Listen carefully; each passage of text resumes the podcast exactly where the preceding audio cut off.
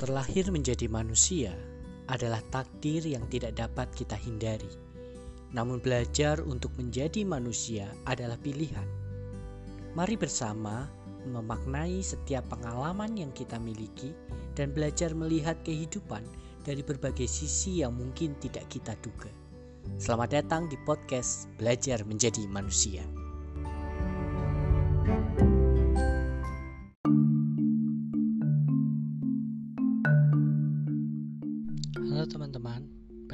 Kabarnya hari ini?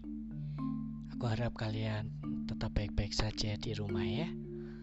Aku nggak tahu sih sebenarnya apakah kalian nasibnya sama kayak aku yang harus tetap pergi ke kantor, kerja, atau mungkin beberapa dari kalian sudah pulang ke kampung halaman. Ya, aku nggak tahu. Tapi please tetap jaga kesehatan kalian, tetap jaga diri kalian baik-baik. Dan ikuti segala protokol kesehatan yang perlu dilalui. ya, hari ini aku nggak bisa tidur teman-teman seperti biasa. Ini udah jam 3 pagi tanggal 14 dan aku masih belum bisa tidur. Karena itu entah nggak tahu kenapa hari-hari ini banyak sekali hal yang aku pikirkan tapi nggak pernah bisa menjadi sebuah karya. Well, ada beberapa hal sih yang bisa aku kerjakan, but I think that's not a big things. Uh, ya mungkin hal-hal kecil yang bisa aku selesaikan, tapi bukan hal yang besar. Dan nggak tahu kenapa juga hari ini aku rasanya ingin banyak berbicara. Berbicara mengenai banyak hal yang mungkin sudah terlalu penat aku simpan dalam rasa podcast ini nggak akan seperti podcast sebelumnya. podcast ini akan lebih banyak curhatan-curhatan di otakku yang entah ke mana-mana. Tapi aku akan sangat senang kalau kalian mau mendengarkannya. Oke. Yang pertama adalah aku sangat-sangat terganggu atau sangat-sangat terpikir dengan ungkapan dari Kementerian Agama.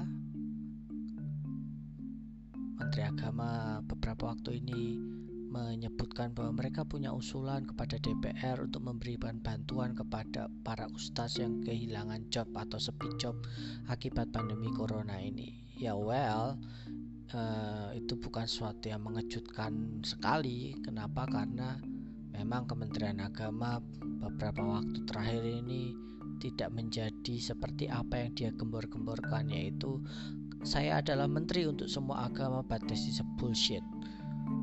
Kementerian Agama saat ini atau Menteri Agama saat ini better menyebut dirinya sebagai menteri dari satu agama saja. Karena yang dia urusi ya cuma agama itu itu aja sih sebenarnya. Jadi aku nggak ngerasa dia berimpact besar kepada kami yang beragama lain dengan agama yang dia bela-bela. Jadi uh, ketika beliau menyampaikan atau perwakilannya menyampaikan bahwa ada usulan kepada ustaz, mungkin akan banyak yang mengira itu sesuatu yang tidak adil ya. Well, memang menurutku juga nggak adil, tapi yang aku lebih pikirkan adalah apakah Kementerian Agama tahu bahwa pandemi corona ini tidak hanya menerpa kepada ustadz loh mungkin mereka berpikir bahwa oh karena pendeta-pendeta sudah punya gereja maka gereja itulah yang menghidupinya mereka bisalah stand apa stabil bisalah hidup bersama dengan jemaat-jemaatnya uang persembahan jemaat tapi tahukah kalian bahwa atau Kementerian Agama lah tahu nggak sih kalau ternyata setiap gereja itu punya sistem pemerintahan masing-masing atau mungkin tata cara aturan masing-masing. Ada gereja-gereja yang memang pembiayaannya atau gajinya itu berdasarkan oleh pemberian dari jemaat. Ada.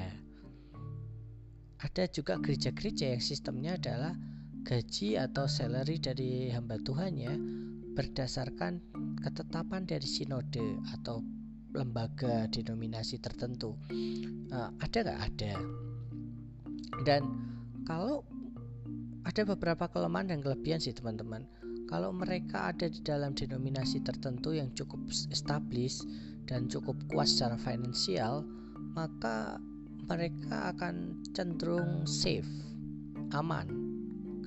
Karena mereka punya gaji pokok yang cukup.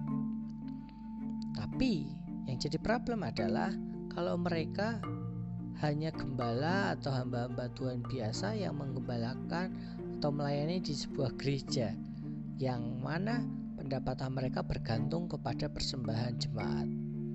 Kenapa aku mengatakan itu yang cukup berbahaya?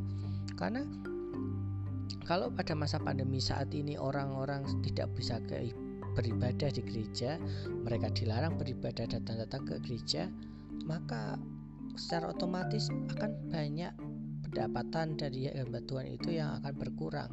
Bahkan ada loh hamba-hamba Tuhan yang memang selama satu dua bulan ini tidak mendapatkan penghasilan sama sekali dan mereka harus bercocok tanam. Mereka harus memutar uh, memutar otak untuk mencari alternatif pekerjaan yang lain untuk mengisi masa pandemi ini dan untuk memenuhi kebutuhan hidup mereka. Ada ada. Tapi hal tersebut mungkin lepas atau ya tidak diperhatikan oleh Kementerian Agama.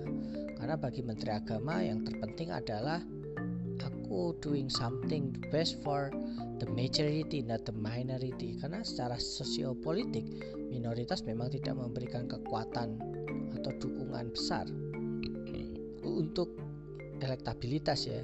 Karena ya kembali lagi kita bicara tentang demokrasi uh, when we talk about democracy, ketika kita berbicara mengenai demokrasi, maka demokrasi sebenarnya mempunyai titik baik. Titik baiknya adalah ketika demokrasi itu berhasil menimbulkan sebuah uh, diskusi atau sebuah diskursus pembicaraan antara tesis dan antitesis untuk menghasilkan ide-ide baru. Well, dalam kondisi seperti itu demokrasi sangat akan sangat baik dan cocok. Kenapa? Karena di dalam demokrasi kita memiliki kebebasan untuk berbicara. But the problem is ketika kemampuan literasi sebuah bangsa atau kemampuan kedewasaan emosional sebuah bangsa tidak mencapai tahap tertentu, maka demokrasi hanya menjadi alat bagi kelompok mayoritas untuk menguasai minoritas. Dan hal tersebut menjadi seolah-olah menjadi sebuah penjajahan terselubung di dalam bendera demokrasi. Dan itu ironisnya teman-teman. Karena memang demokrasi itu tidak mungkin berhasil atau berjalan baik di tengah-tengah kemanusiaan yang secara akademik rendah dan secara emosional rendah. Hal itulah yang dikatakan oleh Plato dalam bukunya Republik. Dalam buku Republik kalau kita baca, Plato mengatakan bahwa demokrasi tidak mungkin berjalan baik atau bisa dikatakan gagal mencapai tujuan mulianya kalau masyarakat adalah masyarakat yang uneducated atau tidak berpendidikan. Pada masa itu kalau kita belajar dalam strata eh, pendidikan Yunani konteks atau konsep pendidikan dalam bangsa Yunani tidak hanya berbicara mengenai kemampuan akademik atau kemampuan sains eh, nggak hanya sekedar itu. Di dalam dunia pendidikan Yunani kata pendidikan itu berbicara mengenai the holistic uh, the whole text of uh, humanity seluruh kehidupan kemanusiaan itu baik secara spiritual baik secara uh, scientific maupun juga secara emosional secara etis. Karena itu dalam pendidikan Yunani kalau aku tidak salah ya anak-anak usia 0 sampai 12 tahun mereka itu banyak kan belajar dalam konteks bermain. Jadi mereka diajarkan hal-hal seperti puisi nyanyi musik, olahraga. Kenapa mereka diajarkan hal-hal yang sifatnya uh, kalau kita pikir ah itu kan cuma entertainment senang-senang enggak teman-teman. Karena ketika orang-orang atau uh, anak-anak ini diajari sastra, di sana mereka menemukan namanya etika. Di sana mereka menemukan namanya nilai hidup. Kalau mereka membaca yang namanya uh, Homer atau kisah-kisah epik dari bangsa Yunani kuno, mereka akan menemukan sebuah nilai yang walaupun dibalut dalam bentuk bahasa mitologi ya, uh, kisah-kisah itu, tetapi mereka menemukan sebuah nilai kesetiaan. Mereka diajar sebuah nilai kejujuran. Mereka diajar sebuah nilai untuk tidak menjadi sombong. Cerita-cerita itu dibalut dengan nilai-nilai dan mereka belajar sastra itu dengan membaca uh, kisah-kisah tersebut dan kemudian mereka mengambil atau diajarkan untuk melihat nilai-nilai positif itu. Karena itu anak-anak di dalam uh, pendidikan Yunani mereka memiliki etika hidup yang saya rasa cukup tinggi. Kenapa? Karena pada usia 0 sampai 12 tahun yang ditanamkan dalam hidup mereka adalah nilai. Masalah nilai. Sedangkan dalam dunia pendidikan Indonesia kita tidak ditanamkan masalah nilai walaupun kita punya PPKN kita punya uh, mata pelajaran seperti bahasa Indonesia tetapi kalau kita lihat apakah seorang orang tua akan menjadi bangga ketika anaknya bisa antri atau mereka akan bangga ketika anaknya punya nilai 100 dalam matematika. Tentu banyak orang akan melihat oh anakku pintar bahasa Inggris anakku punya nilai 100 dalam bidang matematika. Itu yang menjadi kebanggaan orang tua di Indonesia ya. Tetapi mereka tidak bangga ketika anaknya bisa antri. Sedangkan kalau kita melihat dalam bentuk pendidikan di Yunani maupun yang saat ini dikerjakan di Jepang, di beberapa negara seperti Amerika, anak-anak usia seperti itu justru diajarkan tentang sikap hidup, melayani, antri, tertib, teratur dan lain sebagainya. Karena itu sebenarnya kita ketika berbicara mengenai demokrasi, kita kehilangan memori atau tahapan awal dari sebuah demokrasi yaitu pendidikan etik. Dan di masyarakat jelas ketika pendidikan etik atau etika itu hilang, nilai-nilai itu hilang dan tidak tertanam pada anak-anak atau pada manusia Indonesia, maka bentuk politik atau gerak kehidupan masyarakat secara sosiopolitik adalah sebuah gerak kehidupan yang unetik.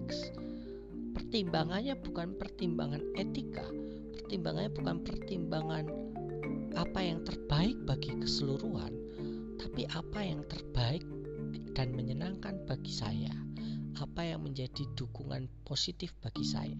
Oleh karena itu, akhir-akhirnya bentuk etika politik kita adalah etika politik yang bukan totally demokrasi, tetapi lebih populis. Kita melihat bahwa sistem kita yang dikatakan musyawarah untuk mencapai mufakat Sebenarnya konsep musyawarah untuk mencapai mufakat itu ada konsep demokrasi. Tetapi problemnya adalah ketika musyawarah mencapai mufakat itu tidak berapa tercapai, yang kita lakukan adalah populis way apa politik way, yaitu dengan cara apa? Kita ambil jumlah terbanyak voting. Voting is not about demokrasi. Voting itu bukan demokrasi. Voting itu adalah populis. Dan populisme itu tidak menjadikan nilai dari demokrasi walaupun demokrasi atau demos itu berarti rakyat dan kehendak rakyat yang banyak tetapi kehendak rakyat tidak harus menjadi populis contoh kalau semua rakyat ini menghendaki bahwa sebuah negara harus dipimpin oleh orang beragama A.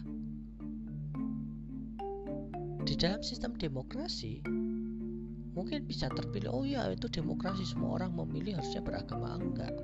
Di dalam sistem demokrasi justru memberikan peluang-peluang buat orang-orang yang berbeda dari keinginan populis untuk maju dan sisa demokrasi sedangkan populisme itu mau tidak membiarkan orang-orang yang tidak sesuai dengan keinginan populis untuk maju Nah inilah ke perbedaan konsep demokrasi. Maka ketika kita belajar sebuah sejarah seperti contoh di Amerika, orang kulit hitam bisa menjadi Presiden Barack Obama disebut demokrasi. Kenapa? Karena kalau secara populis, populisme populasi mereka orang adalah orang kulit putih. Sedangkan orang kulit hitam kecenderungan akan sulit untuk menjadi uh, pemimpin daerah. Tapi karena mereka terbuka dan memiliki konsep demokrasi, kebebasan untuk menjadi diri mereka yang otentik dan menghargai keotentikan tersebut, maka mereka berhasil di, di Inggris perdana menterinya adalah orang Muslim yang mayoritas negara itu adalah negara Kristen. Kenapa bisa terjadi? Bukan karena orang Muslimnya hebat.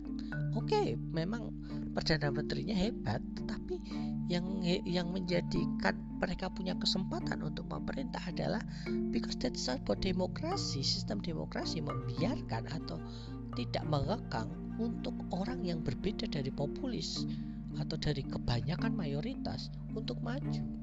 Nah, di Indonesia berbeda. Ketika berbicara mengenai demokrasi, yang mereka berpikir itu demokrasi sebenarnya adalah populisme.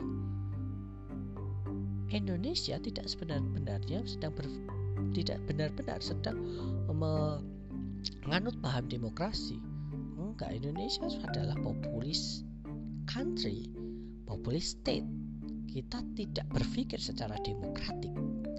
Kenapa? Karena ketika kita berpikir secara demokratik, justru kita membiarkan perbedaan dan menghargai sebuah perbedaan. Sedangkan di Indonesia, kita cenderung tidak menghargai perbedaan, bahkan berupaya menyeragamkan perbedaan itu sendiri. Karena itu tidak heran ketika Menteri Agama mengatakan um, beliau berempati kepada ustadz-ustadz yang sepi job dan beliau tidak mampu melihat bahwa ada pemuka agama lain yang juga sepi job. Kenapa? Karena yang beliau lihat adalah satu warna. Apa yang menjadi warna yang dominan itu yang mencolok bagi dia. Dan itu bukan demokrasi, itulah populisme. Sedangkan demokrasi dapat melihat warna-warna yang berbeda dan menghargai perbedaan warna itu sebagai keindahan dari demokrasi itu sendiri. Karena itu teman-teman, pada hari ini kita belajar satu hal bahwa apakah Indonesia adalah negara demokrasi? Aku pikir Indonesia belum mampu pada titik menjadi negara demokrasi. Kenapa? Karena Indonesia secara literal, secara edukasi kita telah kehilangan masa-masa yang baik untuk mendidik anak-anak memahami nilai-nilai kehidupan. Anak-anak di usia 0 sampai 12 tahun cenderung lebih dicekoi dengan nilai-nilai saintifik seperti jawaban satu tambah satu berapa atau tiga kali tiga berapa mereka lebih dicekok dengan nilai-nilai matematika yang baik ini itu. Tetapi mereka tidak ditanamkan dengan nilai-nilai saling menghargai nilai-nilai saling menghormati nilai-nilai disiplin. Dan itulah kehilangan kita. Demokrasi tidak mungkin berjalan dengan hanya ada orang-orang pintar. Demokrasi butuh seorang. Kalau dalam bahasa Plato adalah philosophical uh, philosopher king, seorang filsuf tetapi juga seorang raja. Artinya apa? Di satu sisi dia punya otoritas ketegasan dan jiwa kepemimpinan raja, tapi di satu sisi dia punya kebijaksanaan etis sebagai seorang filosof. Karena itu teman-teman, mari kita yang sadar bahwa negeri kita saat ini belum mencapai nilai demokrasi yang baik. Dan kita belum siap mencapai sebuah demokrasi yang baik. Mari kita belajar.